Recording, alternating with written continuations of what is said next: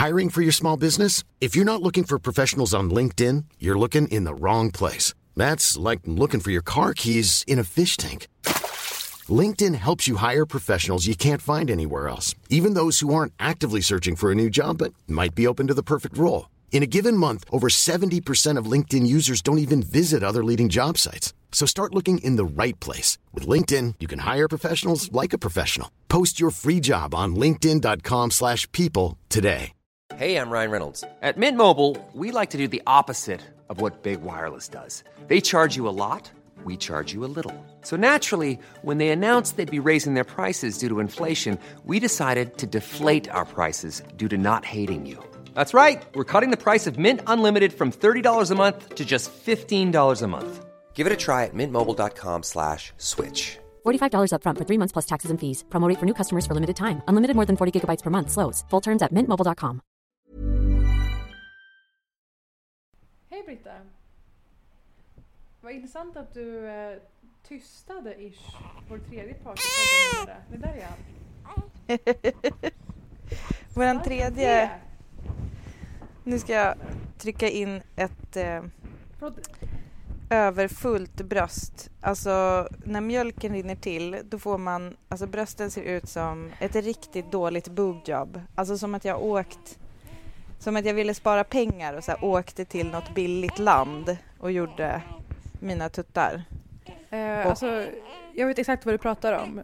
Mm. Jag har ju sett my fair share av detta i eh, USA. Eh, där kallar man dåliga bröstjobb för bagels.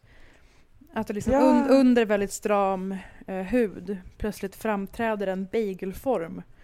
Eh, jävlar. under huden, Usch. absolut. Men förlåt, om det inte hördes innan så gjorde alltså vår eh, nya tredje part i podden entré. ja. Och det var, är det här jättekonstigt av mig? Som att min, min verklighet utgår från den här podden. Att det, det kändes för, verkligt först då. Jag är lite rörd. Vad gullig du är. Ja, men det är, alltså jag tycker att det är väldigt, eh, jag är ju själv i det här fast tyck, jag ändå är helt rörd typ hela tiden. Jag tycker det är så jävla coolt att en ny människa kan liksom göra entré eh, och genom ens kropp. Nej, men och, eh, jag skrev det att så här, under tiden som jag har bara harvat runt på någon strand, spelat strandtennis. fast det var du- inte en dålig strand. Nej, alltså jag har haft en riktigt stark resa. Nej, men så har du Ja. tryckt ut en person. Och det är så mycket Ja. starkare än att tänka bebis på något sätt. Ehm, Ja. Men vi kommer ju, ska vi berätta det? Vi kommer ju prata väldigt mycket mer om det här. Ja, jag tänker att vi får... eh, vi- Jag har ju ganska mycket, dels mycket att berätta men sen så känns det också som att eh, vi vill ta ett ordentligt grepp och prata om typ kvinnor och födande. Så Mm. vi sparar det till ett temaavsnitt framöver. Men jag kan ju bara säga lite kort att han i, föddes i lördags på, ja alltså när den här podden släpps eh, i lördags. Ja, det är ju bara några dagar sedan. Eh, och eh, det var enligt många som jobbar på SÖS den värsta dagen på förlossningen på väldigt länge. Eh, det var en som skrev i kommentarerna på min Instagram att hennes svärmor som är barnmorska sa att det var den värsta dagen på 35 år. Eh, min barnmorska som jag stött ihop med idag eh, i korridorerna sa att det var hennes värsta på eh, ett halvår. Liksom, den vidrigaste dagen. Eh, det är en sån där dag som de Mm. minns. Liksom, som Men att det här är sådana här jobb, kanske för att de är kvinnligt kodade också, som tolkas nästan som att man gör det här av altruistiska skäl. Just Ja. för att det är så pass viktigt ehm, med- och, och omhändertagande så är det som att de ska finna sig lite i att det är extra tufft i och med att så här, men Ja. ni gör väl det för att ni är goda människor. Det här är, Ja. alltså det är ju helt... Men eran, hela ert utspel om detta har ju blivit väldigt eh, utbrett, skri- omskrivet. Ja, Ja, om det, om, det, är om det inte vore och- för ASAP Rocky kanske hade det varit toppnyheten. alltså. ja, jävla ASAP Rocky. Hur, vänta, förlåt, hur långt ifrån är tanken att som en tribute till som, eh, sommaren då bebisen föddes, mellannamn ASAP eller Rocky? Alltså Rocky går ju inte, för då kommer ju någon tro att vi är Martin Kellerman-fans. Åh nej, Men du, trodde, alltså, du, du tänkte på Martin Kellerman det första du gjorde av Rocky? Ja, men när du sa Rocky, alltså om man bara tar ut Rocky liksom, Mm. då blir det ju det. Men eh, alltså ASAP absolut, för det funkar ju lite grann med hur han under omständigheterna han föddes också. Aha, Så att det jo, skulle kanske starkt. kunna funka. Men kan det här vara, alltså namnet på bebisen, kan det också ingå i den mer, eh, den mer eh, ut, vad ska man säga? Namnet på bebisen, kan det vara mer, mer utbroderade förlossningsberättelsen i podden framöver? Ja, alltså han har inget namn än. Nej? Det är en pojke, men, men han har inget namn. Nej. Och eh, det finns en massa dåliga förslag och massa bra förslag och de bra kommer från mig och de inte bra kommer från Kalle tyvärr. Så vi får se. Jag kan tänka mig att Kalle vill ha ett bibliskt namn. Jag vill säga en sak till om dagen han föddes och det var ju eh, att det faktiskt en vän till mig eh, födde hemma i sitt vardagsrum Mm. och för att hon väntade på en plats på SÖS. Eh, så att jag hoppas också att vi i den här uppföljnings, eller vad man ska säga, det mer utbroderade temaavsnittet också Mm. kanske kan få höra lite grann om hur det är att föda hemma och själv Fatta att själv behöva vara den som håller emot barnet så att du inte spricker för mycket när det ska komma ut. Att du får göra alltså, det du vet på ju, dig Du själv. vet hur jag, vad jag tycker om allt det här. Jag tycker att Ja, det jag är... Tycker det är. Alltså överge kvinnor fullständigt och att så här, att resist medicinska, jag vet inte, medicinska lösningar för någon slags helighets skull. Allt det här kommer komma med i alla fall i förlossningsavsnittet och jag vill höra allt om den här dagen när Fast alltså, Dante blev jag- till. Parisa, jag vill vara Dante, det är tydlig. min bebis. Ja. Hörru, jag vill Ja. vara tydlig. Alltså hon födde inte med flit hemma. Nej, jag, nej, nej, jag jag förstod det. Ja, Men alltså, okej, bra. jag menar bara varför jag tycker att alla borde få, få ett snitt och gå hem sen. Ja, Antingen en barnmorska per person, eller det. Det är bara att lösa eh, jag, precis. Jag, jag röstar lite mer för en barnmorska än födande.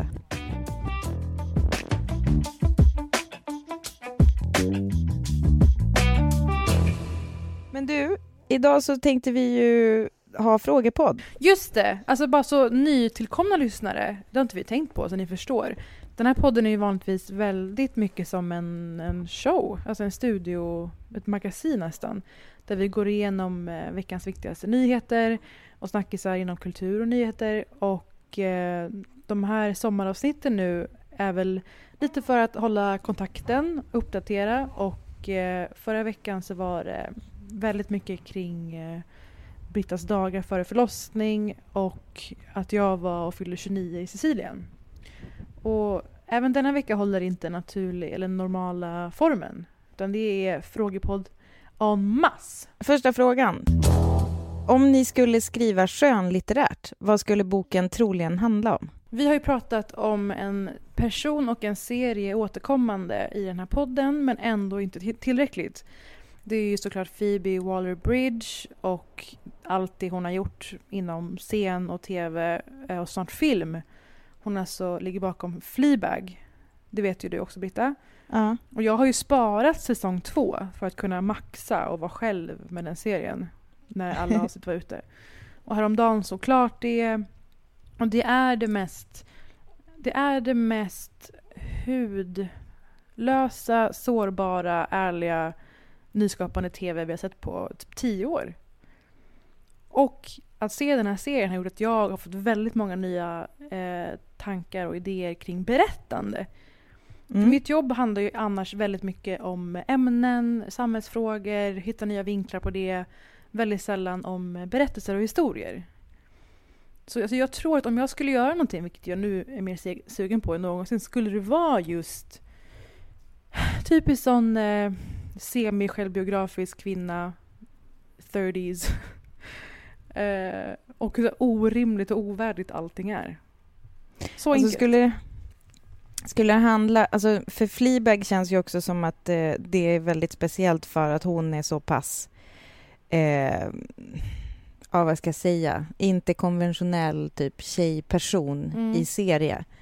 Är det, är det liksom inspirerat av det? Eller jag hur, hur kommer Fleabag-grejen in i det? Det mesta jag gillar eller identifierar mig med är ju människor som eh, där det skaver i existensen på något sätt. Och det är väl också det som man själv känner när man har varit självsaboterande i perioder eller ja, inte mår hundra, att man saknar någonting som tar en ärlig titt på det och berättar det på ett eh, roligt sätt. Men du då? Du ju, läser mycket mer fiction än vad jag gör. Ja, alltså jag skulle nog... eh, Jag skulle börja med att skriva en YA-bok. Intressant. Mm. Alltså, för att sprida gärna- gospeln om petting Jag tror att ungdomar. jag skulle behöva, ja exakt, jag tror också jag skulle behöva det som terapi för min egen typ högstadietid. Kanske något väldigt närliggande, Gud vad smart. eh, att så här, hur fuckad i huvudet man blir av att vara typ olyckligt kär i under väldigt, väldigt lång tid eller någonting sånt. Mm. Eh, och allting som händer, man, hur man liksom ganska medvetet formar sin person, hur det kan bli att man bara liksom hur stämningen på en skola lite grann så här ibland kan definiera vem man faktiskt blir också. Alltså det är som att man är väldigt mycket så här gisslan av situationen, eh, omständigheter runt omkring typ. Mm. Eh, och sen så skulle jag, jag skulle också gärna kunna tänka mig något slags eh, jag skulle kunna skriva någon lite smaskig, eventuellt under pseudonym. Mm. Ja! någon slags, någon Tell slags all. såhär, tell all bok om reklambranschen Åh, i. Stockholm. Den behövs. tror jag, det tror jag skulle kunna, alltså så här som typ kanske skulle kunna vara rolig och Mhm. lite skoningslös. Nya liksom. Karina Rydberg. Gud vad Ja, men- intressant. Nästan. Den Ja. övermättade på populationen reklamare. Just det. jag eh, har ju dejtat ett gäng i Du den har ju det. världen. Ja, så jag kan bidra med ett och annat. En mycket bra fråga som innehåller tre frågor egentligen från Johanna. Hur träffades ni? Två frågetecken. Första intryck av varandra, typ, och hur ni blev vänner sen. Och den här valde jag också lite för att jag eh, minns inte det här jättebra och vill med din hjälp få veta det. Men bara för att liksom börja rota i det här, hur träffades ni? Ganska säker på att det var via vår vän Klara Svensson, som vi har nämnt några Ja. gånger, som har podden 30 plus trevar med Sofie Farman och Tove Norström, två andra vi gillar. Och ehm, Klara var ju då ihop med en kille som jobbade inom reklam och som var bästa kom- är bästa kompis med Kalle Wahlström, right? Eh, precis. Precis. Hur träff- ja.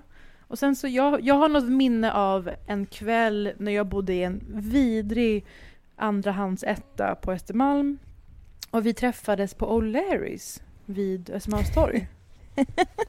och jag var så fattig, så åt middag, åt den här popcornen man får till bärsen som middag. Men jag hade ju också... Eh, alltså, Okej, det här är en detalj om den kvällen. Mm. För det, Den minns jag väldigt tydligt. Ja. För att jag hade ett hundgodis i fickan som var laxbaserat. Och alltså hade glömt det i... Och det hade blivit så varmt Mm. och fuktigt. Så att Klara trodde att det var mitt underliv Åh, som luktade. herregud! Och Klara är en otroligt filterlös, könsfokuserad människa. Så jag, jag kan föreställa mig hur den här konversationen Alltså det var verkligen så här, hon bara, men det luktar ju som om du, som om du har eh, typ, eh, vad, vad heter det, Åh, så här, herregud. Som att du har fått, jag döpte det sen till fittfluss, fast det var inte det hon sa, men Otroligt ja, bra ord. någonting sånt. Ah, Det luktar ju för jävligt om Men för, och nu, för er där ute som faktiskt har fittfluss, har ni bästa ursäkten. Hitta på att ni har ett lax, eh, laxhundgodis i fickan. Men sen så var det ju så här, vi var ju också, vi gillade varandra på Twitter, som jag minns det. Jaha. Jaha, okej, det gjorde vi inte. Det var inte mutual. Inte... Nej, men det var på tiden jag var aktiv på Twitter och sen så... Men hur kommer det sig? För alltså jag var ju då 18-19. Jag Ja, men du ver... skrev ju mest saker som att Du- om, jag vill, om jag skulle vilja ha barn så skulle jag... Vad fan, jag, jag kommer ihåg att min, mina tweets var liksom väldigt... Alltså det var bara fantasier. Jag levde ju ett så pass otroligt icke-stökigt liv men det var väldigt stökig stämning på min Twitter. Jo men du, sen värvade du mig, sen började jag, jag startade en blogg och så värvade du mig till Nöjesguiden. Just det. Eh, och det var ju kanske innan vi kände varann. Men jag tar ju äran för, eh, för att både, både dig och för Kakan Hermansson och massa olika personer. Ja. I och med att jag liksom... eh, Ja, Du tar äran för oss.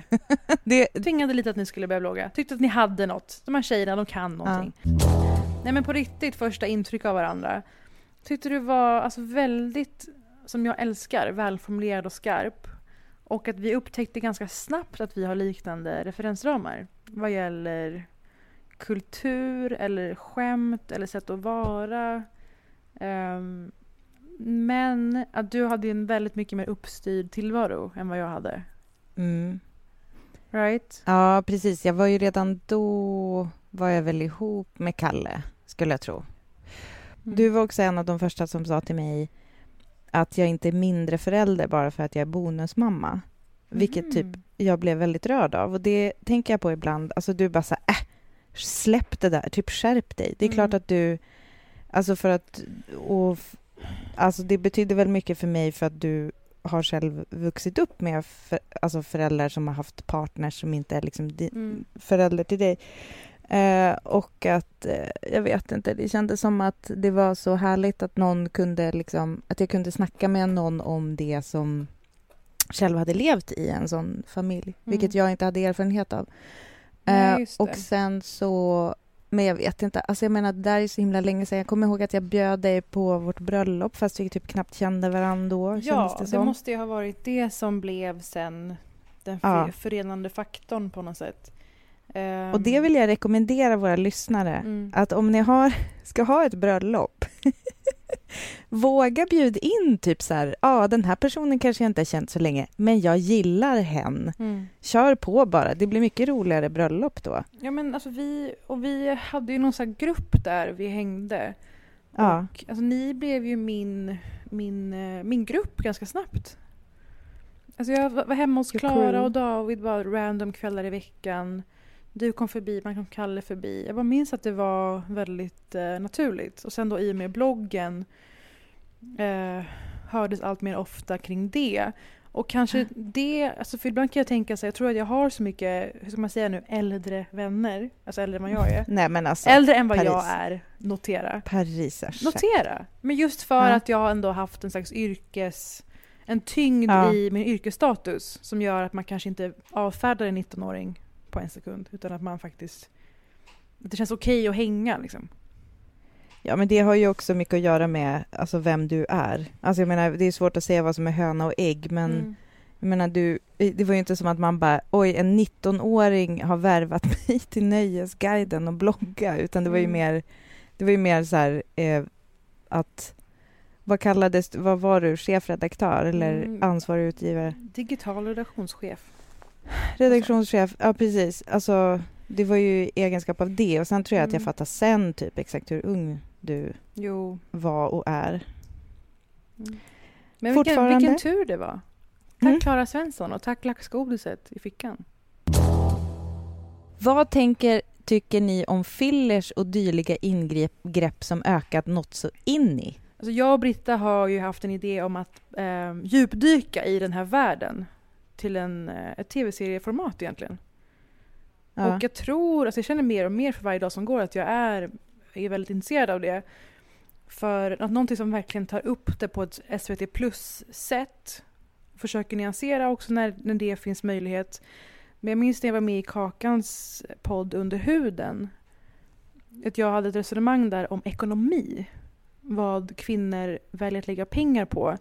Och vad det i sin tur eh, betyder att vi investerar i.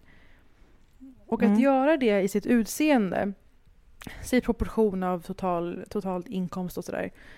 Um, jag tycker att det är, det är inte en, en hållbar investering. Det är inte en investering i uh, kunnande eller upplevelser eller karriär eller vad det nu kan vara.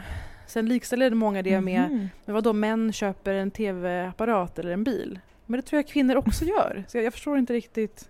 Mm. Vi gör liksom allt. Och framför allt... Men vad menar du? Så du, du, tycker inte, du tycker alltså inte att det är värt det? Du, ty, alltså, du tycker att det är konstigt att förstå den prioriteringen? Nej, nej alltså som utifrån ett samhällsperspektiv, vad gemene man väljer att lägga eh, sin, sin, sina pengar på, mm. så finns det problem med den klyftan. Att kvinnor lägger pengar, de investerar i sitt utseende, vilket man inte kan säga är en hållbar investering direkt. Och vad det speglar. Alltså att vi är våra utseenden. Jag har ju sagt i podden förut mm. att jag saknar begreppet utseendefixering i debatten idag. Um, och att när jag växte upp så var det så här, ja men det var några som var snygga. Men det var inget krav på gemene man att försöka bli snygg eller sträva efter att bli snygg. Och idag är det någonting man ska uppnå var och en. Ja. Och att de här, här Men idag är det också- att det har blivit som ett billigare, en billigare grej som även tjejer som kanske inte har någon stark socioekonomisk bakgrund lägger sina pengar på. Det tycker jag är problematiskt. Sen vad man väljer att göra med sin egen kropp, det kan man också prata om. Men jag, är- jag tycker att det är oroväckande utifrån allt man som tjej måste göra nu. Den långa listan som blir allt längre. För vad man behöver göra bara för att passera i ett rum. Från att så här, kamma sig och ha mascara till liksom alla de tusen många steg. Det är lösögonfransar, det är det, det är kindben, det är läppar. Jag har ingen aning. Ögonbryn. Men alltså det där, fast det där tycker jag, alltså nu, när du tar upp socioekonomisk bakgrund, för det tycker jag är någonting med fillers, att det spänner över alla eh, samhällsklasser liksom. Alltså Men, det känns ju ja, som absolut. att det säger någonting Men det är det första väldigt som har mycket kommit om att... att alla är upptagna av det, det, här. men det är ju sen gammalt. Alltså är man rik så är väl det samma sak som att färga hår, håret. Men det som har hänt med fillers, som är mycket mer lättillgängligt, är att även liksom, unga tjejer eller tjejer som inte har lika stark eh, socioekonomisk bakgrund har börjat med detta. Och det är det man, man diskuterar. Sen, folk pratar om så näsoperationer och eh, iranier. Och om man vill verkligen vrida och vända på det så är det så här, vad är skillnaden på det och att färga håret? Eller varför, varför ser vi så mycket kraftigare på det än X? Så jag, jag Mm. älskar att, att analysera detta. Men jag tycker verkligen att utseendefixeringsbiten, vad vi lägger resurser i form av energi, tankekraft och pengar på, jag saknar liksom den, den vinkeln. Ja, men alltså jag, ty- jag är ju ändå av uppfattningen att så här, man, man gör att folk får bestämma själva och sen så kan jag tycka att det finns någonting eh, härligt med att folk har börjat vara lite mer öppna med. Så här, ja, jag har gjort fillers, ja, jag har gjort botox, så att det finns en, en liksom en lite mer realistisk förväntan hos alla som ser och så här, gud vilka fylliga läppar hon har. Nej, men jag har gjort dem. Ja, okej, vad- alltså det är som någon sorts lite så här bjussig, eh, bjussig ärlighet i det där som jag kan tycka är bra. Sen så eh, vet jag inte riktigt, alltså jag känner ju ändå på något sätt att den här boomen har ju hänt sen jag har kanske blivit lite mer så här van vid mitt eget utseende. Jag vet inte vad jag hade tyckt om det om det hade hänt när jag var typ tonåring. Um, då kanske jag hade varit mer liksom sabb av det eller typ uh, nästan kanske känt press och, och var lika liksom plut, plutig eller så här eh, flawless uh, som jag som tur är inte känner nu riktigt. Um, men jag tycker det är väldigt svårt. Alltså jag tycker det är super svårt för att jag, jag är ju också förbannad över att vi tjejer oftast alltid är våra utseenden först och främst. Um, och att det alltid handlar om utseendet, även inom kroppsaktivism så handlar det ju väldigt mycket om kroppen. Alltså att det inte är så här, men typ, jag har ju ofta i mitt liv velat bli sedd kanske för min, mina brains eller, eller typ att någon tycker att jag är rolig. Och sen så handlar det ändå om hur jag ser ut väldigt ofta. Eh, när man jobbar så handlar det om, så ska man se ut på ett visst sätt i tv och sådär. Så det, det är lite, det, det är väldigt dubbelt och jag, tror jag tror att vi kanske måste typ göra någon större grej av även detta ämne. Ja, om ni vill att vi ska göra program om det här, mejla alla chefer på SVT. Hej! När den här frågan kom så blev jag ganska lättad att någon tar upp det så vi har möjlighet att klargöra. Till frågepodden. Det här är alltså ställd av en man, om det är någon som frågar. Ja. Eh, frågan. Vad har ni emot män egentligen? Jag tycker män generellt får mycket skit i er podd och det framställs ofta som att allt ont är vårt fel. Jag tror många män, inklusive mig själv, har svårt att känna igen sig i bilden av oss som okänsliga, slash våldsamma, slash manipulerande, slash potentiella förgripare. Tvärtom är en stor del män osäkra och känner sig underlägsna i spelet mellan man och kvinna. Män får ofta... Som Britta kan läsa. Män får oftare nobben och det gör inga underverk för självförtroendet. Tror du att personen som har skrivit brevet eh, tar illa upp att jag skrattar mig igenom att du läser den här Det, frågan? det avslöjar lite vad du tänk, tänkte Ja men vad fan, kom igen. Vet du vad? Jag Jag, är nyfiken på ditt svar ändå. jag kan knappt tro att vi har fått en eh, ko- direktkontakt med en hashtag inte alla män. Det är ju väldigt spännande. Jag visste inte Men det riktigt är ju att det ändå fanns många gåvor med podden. Alltså jag, tror, jag tror att vi når ut till många fler än vad vi förstår. Alltså. Eh, grejen är så här. Eh, när vi pratar om män så pratar vi oftast i, eh, om män som grupp Mm. och vi pratar om eh, samhällets struktur som ofta eh, gynnar män. Eh, och att det, men alltså om man ska gå på individnivå, alltså det där med att män känner sig osäkra och vad var det? Förlåt, jag skrattade ju lite för mycket. Eh, osäkra och känner sig underlägsna Ja, i spelet och, mellan och man får, och oftare, kvinna. får oftare nobben. Det är ju också Mm. intressant. Det skulle jag gärna vilja ta del av den statistiken. Ja, Men det, jag Ah. tror absolut att det finns Mm. män som är... Eh, eller så här. Jag ska göra våra brevskrivare en tjänst och faktiskt Mm. svara lite sincere på den här frågan. För nu har jag Mm. faktiskt blivit mamma till en blivande man.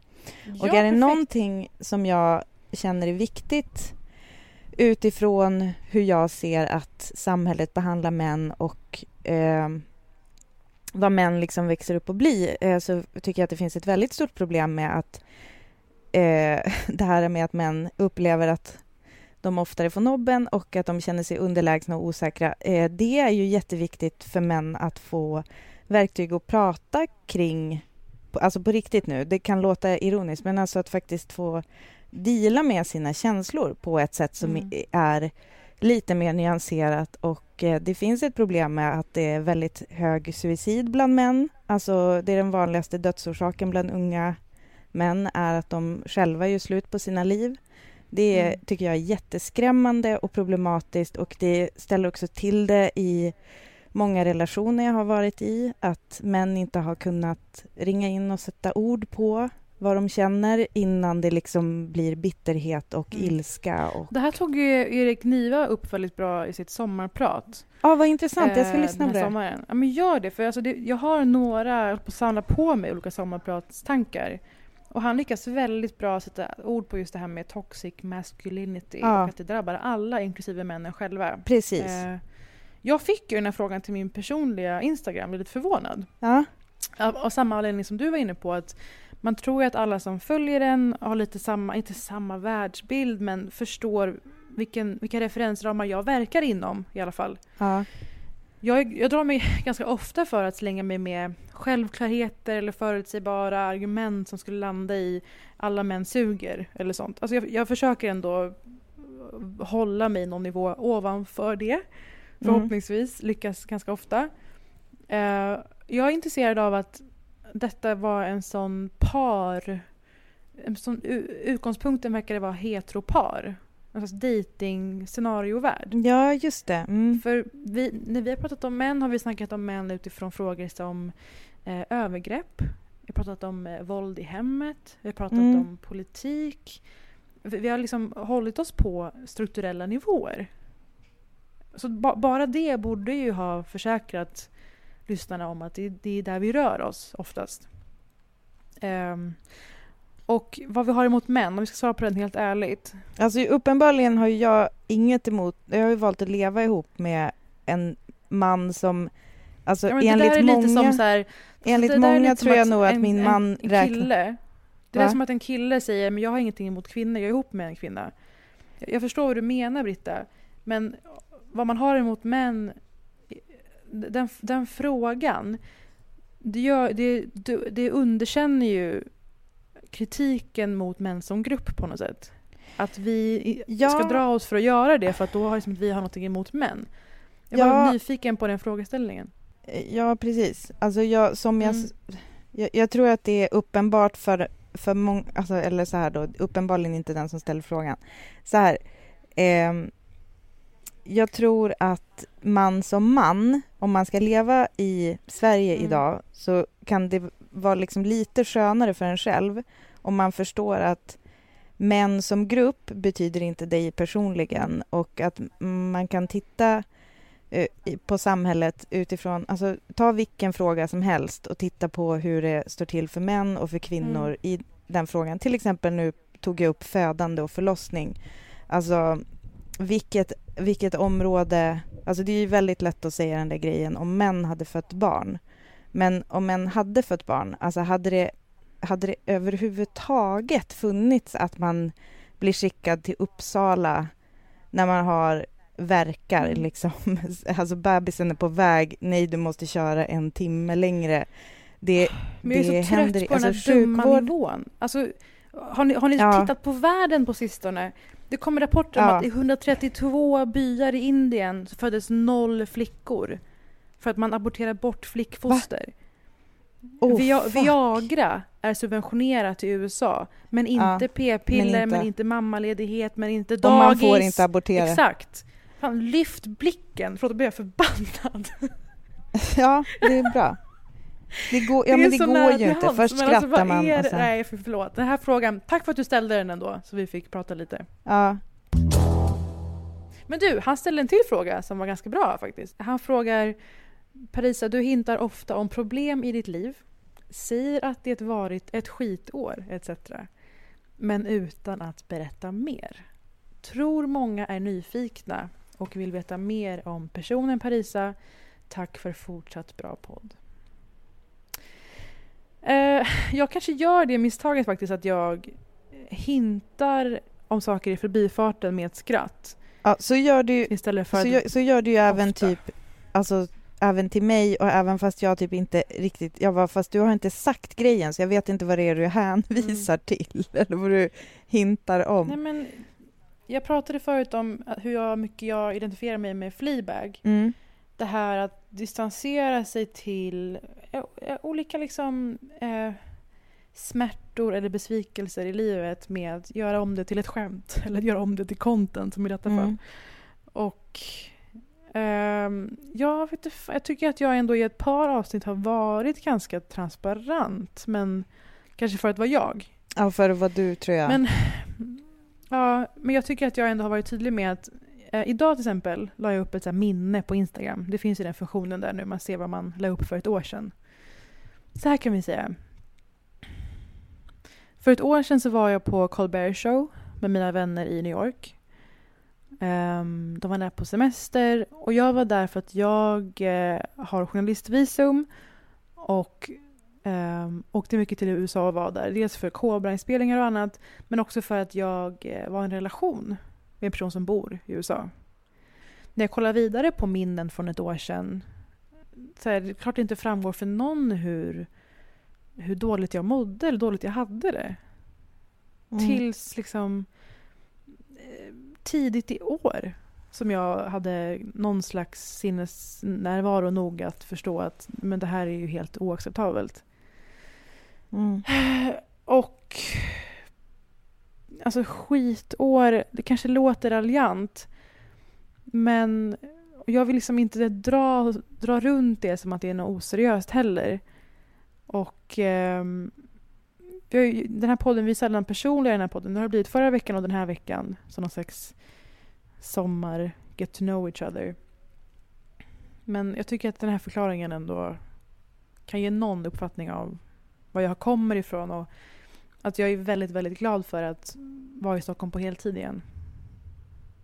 Mm.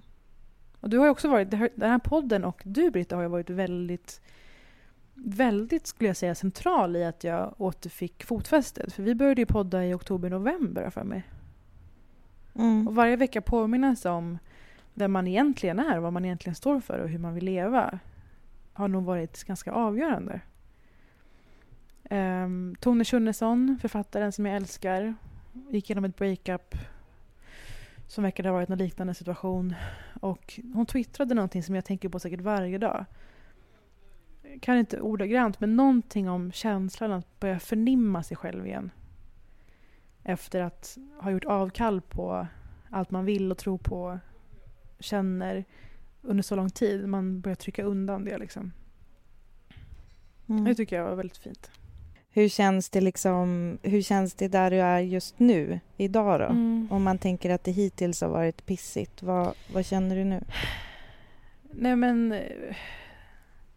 Som sagt, alltså jag är så, så, så tacksam för att ehm, bo här, vara här, omgiven av familj och vänner och av saker som påminner mig om vem jag är och vad, vad jag vill vara. Vare sig det är jobb eller liksom andra situationer och att inte längre liksom på regelbunden basis ta saker som naggar på självkänslan. Så jag- alltså jag bor ju som kanske många vet i eh, en förhållandevis ny lägenhet som jag trivs jättebra i, som har blivit en fin bas för mig efter alla de här åren av att flänga runt. För det var ju två år som jag reste runt mycket och program Ja. och allt möjligt, inklusive den här relationen då. Mm. Så jag tror att det är så mycket som har blivit bättre på kort tid. Ehm, och jag, jag börjar väl inse det först nu när jag börjar liksom hitta någon slags stabilitet igen. Och sen då som klart, den här podden. Det återkommer vi ofta till och utan att på något sätt vara publikfriande eller så. Bara det här liksom få prata ordentligt om saker man bryr sig om. Och ta den tiden. För annars så riskerar man ju att hamna i projekt eller jobbsituationer där man hela tiden måste anpassa sig till vad andra tycker är viktigt eller intressant. Mm. Ja. Ehm, så, ja. Jag tänker också att det är, ganska, det är en ganska kul situation det här för att alltså, när man är i en relation där man känner att man kanske inte blir sedd för eh, den man är eller man kanske känns, känner att man kämpar med att, att hitta, alltså vem, alltså kanske inför sig själv att så här, hitta Mm. vem man är. Då är ju otroligt bra med ens kompisar Ehm, och det blir ju som på något sjukt sätt eh, den här podden har ju, alltså i och med mm, kontakten med våra lyssnare och så här, alltså Mm. ni som lyssnar just nu, så det är ju väldigt kul, alltså just att bara ha det här utbytet som man kanske kan ha med så här, du vet en flört eller en förälskelse att bara åh gillar du också den här tv-serien eller gillar du den här boken? Det har bara slagit mig att man kan bli så jävla så här, glad av eh, den eh, grejen fast alltså, det blir som mer som en community som har det än Ja. kanske eh, så här, eh, det är väldigt kul. Det är, eh, nu är inte jag i samma läge som du men jag kan liksom ändå Mm. Förstå Nej, men och, och eh, alltså jag, alla som kommer fram och pratar med en och är ja, varma och fina människor. Alltså, Ja. Har man varit med om en sån här grej då kan man ju lätt ha ganska mörk utblick. ja, Det var, förlåt, det var, så, det var så milt sagt för min personlighet att ha en ga- ganska mörk utblick. Men att man har en, en eh, ja men inte den mest förhoppningsfyllda synen på andra människor. Eh, och så finns det det här umgänget och det här communityt som du säger som totalt motsäger det. Som varje vecka gör att man känner sig lite mer eh, in touch med andra människor på denna dumma jord. Vem är coolast i Sverige idag? Kul! Mm. Alltså, vi gillar ju jättemånga människor och eh, podden är ju mycket till för att inte bara kritisera saker utan bara få gå loss på hur förälskad man är varje vecka i olika karaktärer. Vi har snackat väldigt mycket om Marie Agerhäll tidigare. Ja. Kanske det modigaste, mest begå- begåvade vi har i tv-Sverige. Som måste vara showrunner, alltså skrev, regisserade, var med som sin egen person, skådis, i serien Dips på SVT. Väldigt rolig. Och så går listan. Alltså jag älskar alla från som Evin Ahmad, skådis, Rojda Sekersöz, ja. fucking filmregissör. Jag tror, för, Jag tror att Dröm vidare finns på SVT Play just nu. ja, den, den har gjort det i alla fall. Eh, kolla, Filmen hon regisserade med just Evin Ahmad i huvudrollen. Otrolig film. Den är... Rojda, eh, alltså de, här har vi framtiden. Helt klart. Ja. Eh, jag tycker, jag håller med. Eh, jag tycker att eh, eh, jag har liksom tänkt väldigt mycket på en person som jag tycker är cool stilmässigt. Eh, som Mm. är faktiskt en kompis till mig från Umeå som heter Monica Kitschau. Monica med K och Mm. Kitschau stavas K-I-C-H-A-U. Eh, hoppas hon inte misstycker att jag men jag tycker hon har så jävla snygg stil faktiskt. Hon... Eh, det tycker jag är liksom en en, en så här... Eh, Hon, hon är stylist på tv ibland och eh, jag kollar på hennes profil, hon har länkat till något hon har uttalat sig om på Aftonbladet. Men alltså Mm. Monica är en otroligt välklädd person, så cool, cool stil har ni där. Eh, och sen så vill jag säga något mer. Ja, men jag, nu är jag också partisk, men alltså Sara Haag, eh, min svägerska, men också regissör och eh, allmänt bra person. Men hon har så jävla mycket roliga grejer på gång. Men vi älskar ju kvinnor som gör saker, som är orädda och som i de här vidriga liksom, strukturerna tar sig fram. Det, det är väl någon slags grund, grund för oss båda. Jag gillar Dillan och Moa Uff. också. Alltså, de tycker jag är så jävla coola och roliga och är liksom De är lite sur på. Stand-up-komiker gjorde en tv-serie för SVT, Sagan om eh, Dilan och Moa. Eller Moa och Dilan. Det kommer en säsong aldrig. två nu. Eh, förkortningen är Sodom i alla fall, räkna ut resten hörni. Mm. Och sen, Dillan och Moa. ja, och sen så älskar vi ju alla, alltså många aktivister och opinionsbildare. Däribland Lovette Jallow som vi har återkommit till ganska mycket i den här podden. Som har Ja. lyckats bli en väldigt självständig röst ändå. Ehm, och konstant riktar uppmärksamhet mot olika samhällsproblem och orättvisor. Jag vill att ni kastar lite shade. Vilka olika samtida populärkulturella fenomen eller personer tycker ni är överskattade? Till exempel poddar, artister, filmer, serier, författare, programledare, you name it. Helst svenska sådana för extra nerv. Är du lika filterlös som förra veckan så kommer du brassa på nu. Alltså jag har aldrig fattat Alex och Sigges podd. Åh jävlar! det känns som att du typ lägger den! alla... Ja, jag lägger... Men vad fan, det var väl ändå en lågoddsare? Aldrig fattat. Alltså så här, men sen, Förlåt, men alltså, Alltså- mitt häxskratt nu, jag måste bara förtydliga. som, den, som, det mellan, som det diplomatiska mellanbarn jag Ja. ändå är, så vill jag ändå säga att alltså, jag älskade ju Alex Schulmans bok Bränn alla mina Ja. brev. Det, det är fan starkt tips till hashtag BP Mm. bokklubb. Men jag fattar inte deras podd. Jag, jag orkar inte lyssna Nej. på, och samma sak med Filip och Fredriks podd. Då ska, jag, gå- då ska jag Ehm. vara den andra personen i den här podden och säga att jag har ju alltid konsumerat allt Filip och Fredrik har gjort. Och jag tror att det här är för att om man, Aha. Om man växer upp i Sverige och är liksom dra, attraherad av, dragen till liksom, populärkultur, gärna amerikansk sådan, och det sättet att prata och vara. Så har jag, det var ju det enda utloppet som fanns på något sätt. Och jag Ja. tycker att deras associationsförmåga och humor och sådär är fantastisk. Likaså Alex och Sigge, hantverksmässigt. Sen så finns det ju liksom, eh, Eh, sen så tror jag att vi är väldigt långt ifrån varandra i vissa frågor och ämnen. Men vad gäller format och dynamik och sådär så är de två av väldigt få poddar jag lyssnar på. Kanske folk blir överraskade för nu. Men så är det. Vad kul att vi fick till det här med frågepodd äntligen. Ja, och vi fick ju kanske med eh, 20% av alla frågor, om ens det, så vi får göra om det snart. igen. Verkligen. Eh, och eh, nästa vecka så tänkte jag eh, ta tag igen i kultur och nyhetsveckan veckan och flödet. Det finns så mycket att prata om, Det finns. Det finns så mycket att prata om och jag eh, hoppas att jag kommer ikapp lite grann nu när jag inte längre är deprimerad av att vara höggravid utan istället är så här eh, sjukt eh, peppad av att ha fått Mm. mitt barn och, som bara sover hela tiden. Så tro mig, jag har börjat kolla ikapp Fleabag. Jag läser böcker. Jag är så peppad på eh, att ha lite mera tips och Mm. eh, kanske otips nästa vecka.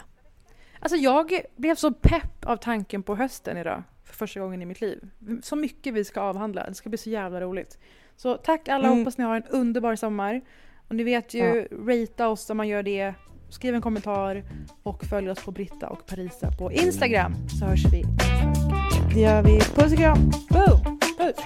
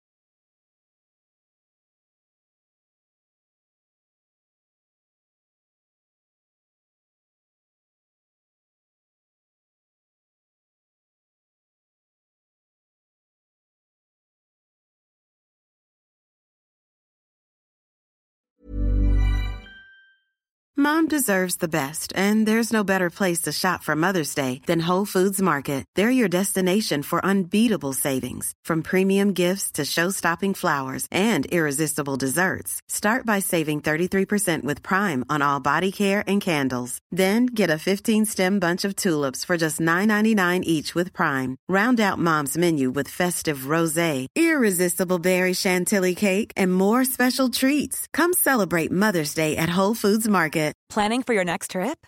Elevate your travel style with Quince. Quince has all the jet setting essentials you'll want for your next getaway, like European linen, premium luggage options, buttery soft Italian leather bags, and so much more. And is all priced at 50 to 80% less than similar brands.